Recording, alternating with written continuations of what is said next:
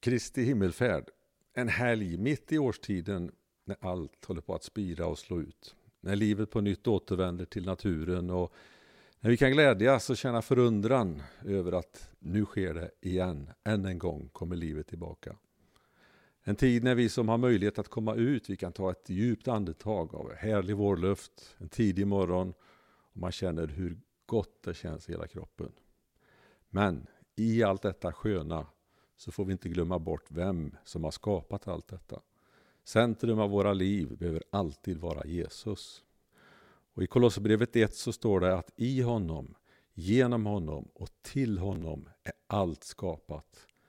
Alltså i, genom och till Jesus. Efter omkring tre års gemenskap med Jesus så står lärjungarna plötsligt ensamma.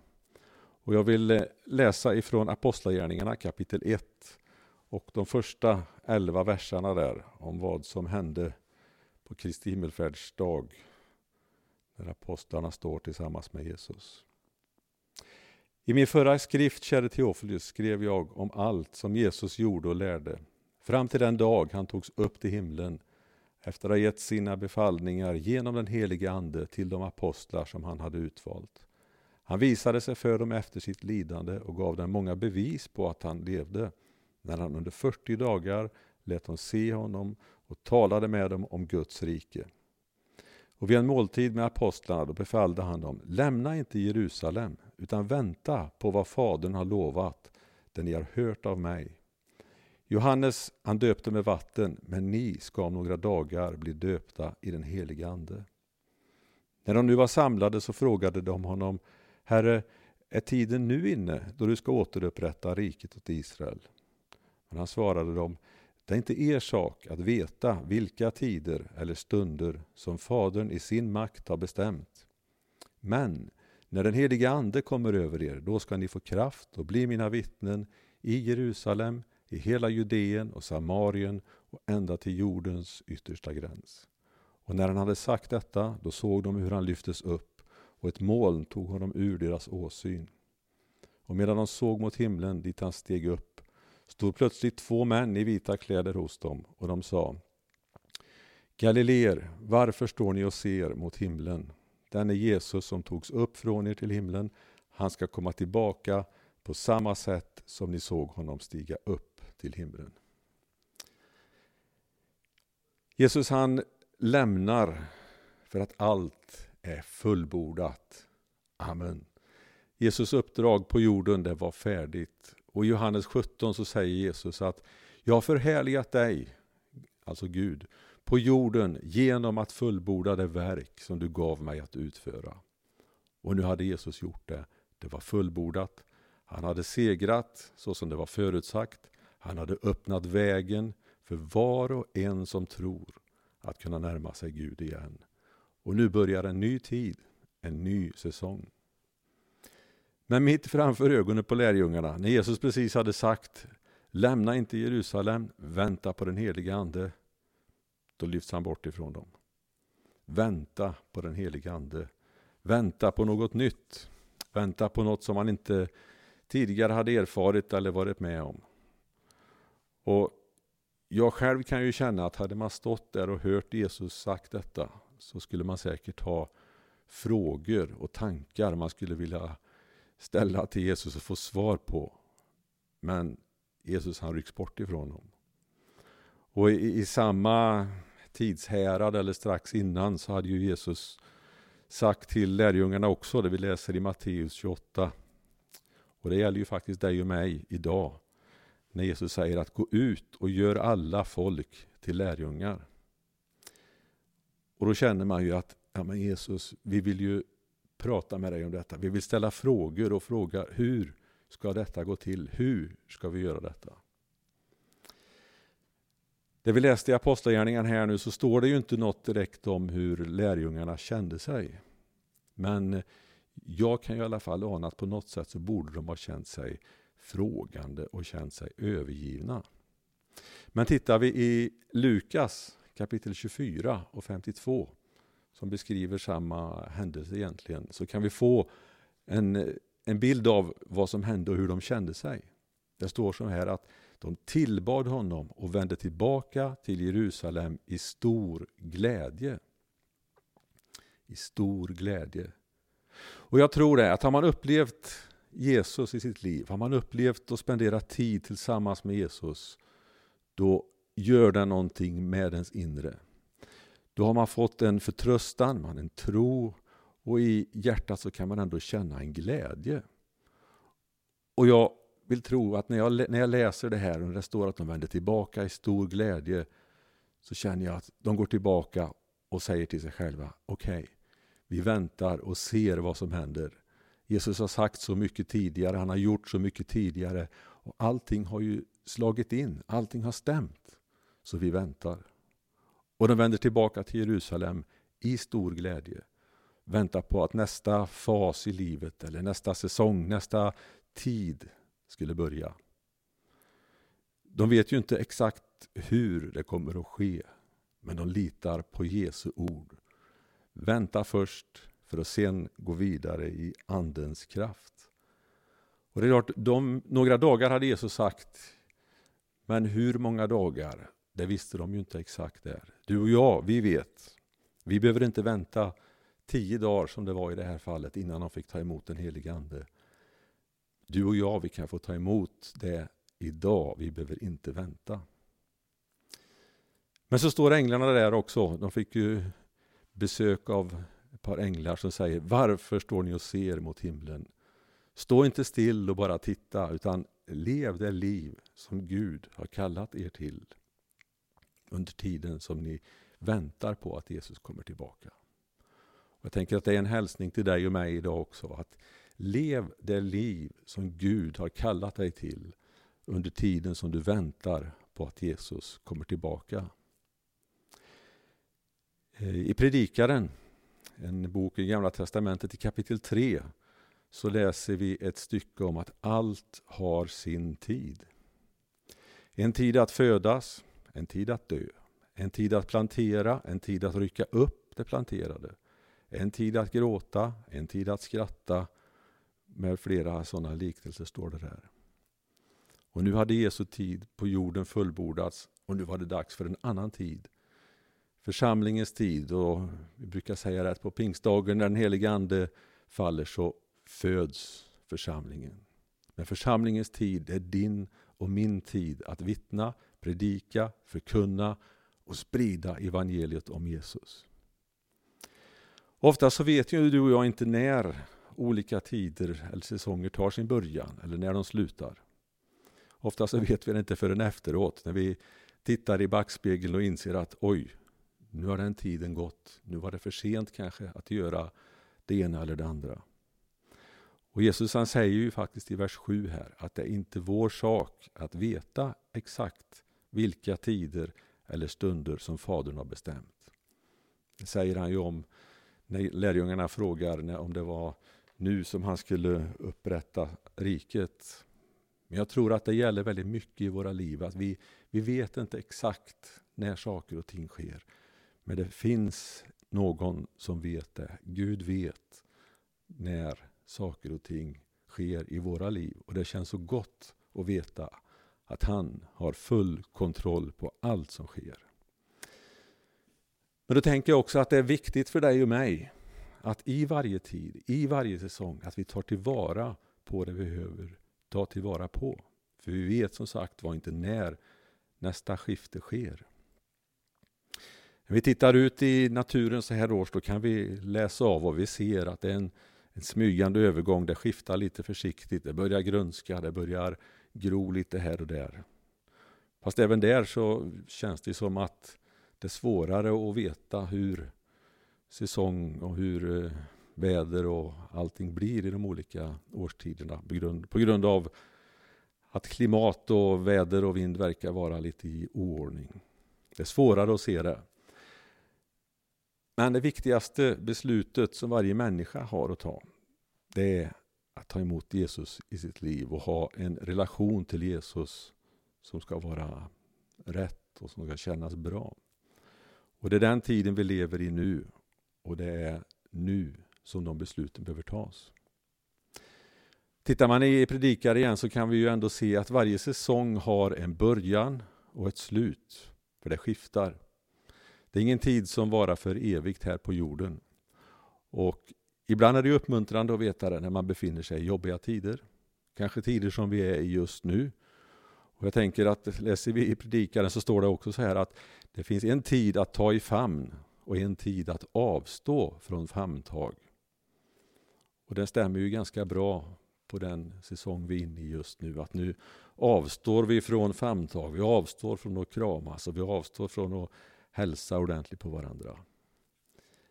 Men vi kan också tro på att det kommer en förändring, det kommer tid igen när vi kan hälsa på varandra, när vi kan krama om varandra igen och när vi kan få känna gemenskapen så som vi ändå många gånger önskar, vill jag tro. Vi önskar kunna känna en, en gemenskap på det sättet. Men tider skiftar, livet skiftar. Ibland är livet gott, ibland är livet jobbigt. Men nu är tid att ta emot Jesus i sitt liv. Det är alltid tid att ta emot Jesus. Och kanske är det så att du står inför någonting nytt i ditt liv. En ny tid, en ny säsong som du känner på något sätt håller på att börja. Du har sagt ja till Jesus, han är i ditt liv, du har vandrat med honom i många år. Men kanske är det nu så att det är dags att ta det där steget i tro.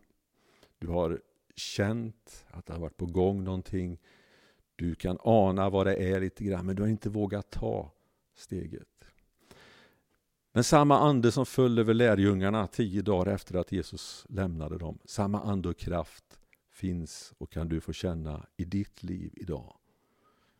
Så våga utmana Gud i detta. Våga säga ja och våga pröva det du känner i ditt hjärta. Nu kanske det är tid att ta det steget.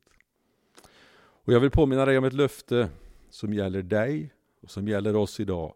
Och Det står i Johannes evangelium kapitel 16. Och Vi läser eh, från det 16 kapitlet och vers 7 till och med 15. Och Det är Jesus där också som talar. Men jag säger er sanningen, det är för ert bästa som jag går bort. För om jag inte går bort, då kommer inte hjälparen till er. Men när jag går bort ska jag sända honom till er. Och när han kommer så ska han överbevisa världen om synd och rättfärdighet och dom. Om synd, de tror inte på mig. Om rättfärdighet, jag går till Fadern och ni ser mig inte längre. Om dom, denna världens första är dömd. Och jag har mycket mer att säga er, men ni kan inte bära det nu.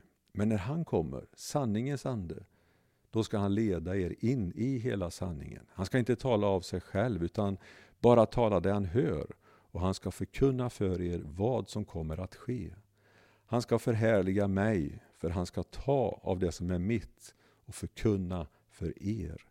Och allt som Fadern har är mitt. Och därför sa jag att han ska ta av det som är mitt och förkunna för er. Det är ett löfte som gäller dig och mig idag. Att när Jesus lämnar så är det för vårt bästa. För att den helige Ande ska komma och leda oss in i sanningen. Förhärliga Jesus och ta av det som är himmelskt gudomligt. Förkunna för dig och mig rakt in i våra hjärtan. Han ska ge kraft, han ger vägledning. Han är den sanna hjälparen i våra liv. För tack vare att Jesus lämnar så bereder han plats för den helige Ande att komma och fylla oss. För vårt bästa. Det är därför som Jesus också lämnar.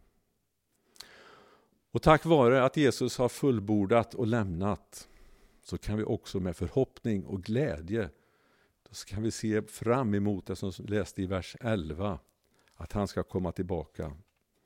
Vers 11 här i Apostlagärningarna 1. Eh, där änglarna sa, Galileer, varför står ni och ser mot himlen? Den är Jesus som togs upp från er till himlen. Han ska komma tillbaka på samma sätt som ni såg honom stiga upp till himlen. Och om Jesus inte hade lämnat så kan han ju inte heller komma tillbaka. För i allt som sker så är det hela tiden ett framåtskridande i den plan som Gud redan från världens skapelse har tänkt. Den plan som han har för hela mänskligheten och vi kan se hur den uppfylls steg efter steg. bit efter bit läggs på plats. Och hade Jesus inte lämnat så hade vi som sagt var inte heller kunnat se fram emot nästa profetia som skulle uppfyllas. Att han ska komma igen för att hämta sin församling. Och jag vill läsa ifrån Johannes kapitel 14 och de tre första verserna. Också en hälsning till oss. när Jesus talar igen. Och Då säger han så här. Låt inte era hjärtan oroas. Tro på Gud och tro på mig. I min fars hus finns många rum. Om det inte vore så, skulle jag då ha sagt er att jag går bort för att bereda plats för er? Och om jag nu går bort och bereder plats för er, så ska jag komma tillbaka och hämta er till mig för att ni ska vara där jag är. Den tiden väntar vi på. Vi lever i församlingens tid nu. Du och jag har möjlighet att få vittna, ta emot av den helige Ande och tala om för människor vad Jesus betyder för oss. Men vi väntar på den dagen när Jesus kommer tillbaka. Han har lämnat oss för att bereda plats för oss i himlen. Och när vi firar Kristi himmelfärdsdag eller den helgen så är det ju inte bara någonting att vi ser tillbaka och minns det som har hänt. För under den helgen så finns det också en påminnelse om att Jesus kommer tillbaka för att hämta oss till sig. Det finns ett evighetshopp i det som händer. När den starten kan man säga på nästa säsong, på nästa skeende som avslutas när vi möter Jesus på skyarna. Och den säsongen, den lever vi i idag. Och när det sker, när Jesus kommer tillbaka, vi vet inte exakt. Men precis som eh, när vi ser årstidsväxlingarna ändå, så kan vi, om vi tittar på världsläget och om vi läser vår bibel med bibelglasögonen på, så kan vi ändå ana att vi är nära den tidpunkt när det sker ett skifte in i nästa tid, i nästa steg och vi får möta Jesus. Och en väldigt viktig fråga, en rannsakande fråga som jag ställer, inte för att skrämmas men för att kanske väcka oss lite grann. Det är ju frågan som vi behöver ställa oss. Är jag redo att möta Jesus när han kommer tillbaka?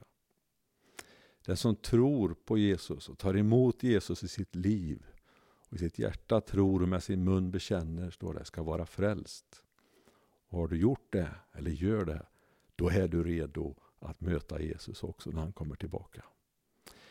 Jag vill be med dig och jag vill be för dig om att du ska känna den här tryggheten och ingen oro. Känn ingen oro som Jesus sa, att du får leva i det. Och vi behöver inte som sagt var vänta i ett antal dagar på att ta emot den helige Ande. Utan vi kan få ta emot den nu. Fader, jag tackar dig för att vi får leva i en tid då vi, den heliga Ande är utgjuten och given till oss som en, en gåva för att både ge oss kraft och vägledning och, och, leda oss in i de sanningar som du, Herre, vill tala in i våra liv. Jag tackar dig för att vi får leva i en tid, Herre, då vi kan utmana oss ibland, Herre, men du vill leda oss in i nästa steg i våra liv, Herre. Jag tackar dig för att jag får be för den som kanske sitter och funderar på vart man ska ta vägen i, framöver. Om det är någonting nytt på gång och man känner sig orolig, Herre, så bara jag ber att du vill tala in i den personens hjärta och ge den här friden och ta bort all oro. Jag tackar dig Fader för att jag får be för den som kanske funderar på meningen med livet och om man ska våga ta emot dig eller inte så ber jag Herre, rör vid hjärtan och låt människor våga säga ja till dig och våga säga ja till ett liv med dig. Jag tackar dig för att vi får upphöja ditt namn Jesus. Jag tackar dig för vad du gjorde, att du fullbordade verket här på jorden. Vi får vänta på dig nu. I Jesu namn. Amen. Har du frågor eller tankar kring det du har lyssnat till här eller någonting annat som rör tron på Jesus så är du välkommen att ta kontakt med oss i Pingstkyrkan Stöpen. Finns på olika sökmotorer så hittar du säkert med kontaktuppgifter och jag heter Patrik Blom. Jag önskar dig allt gott och Guds välsignelse.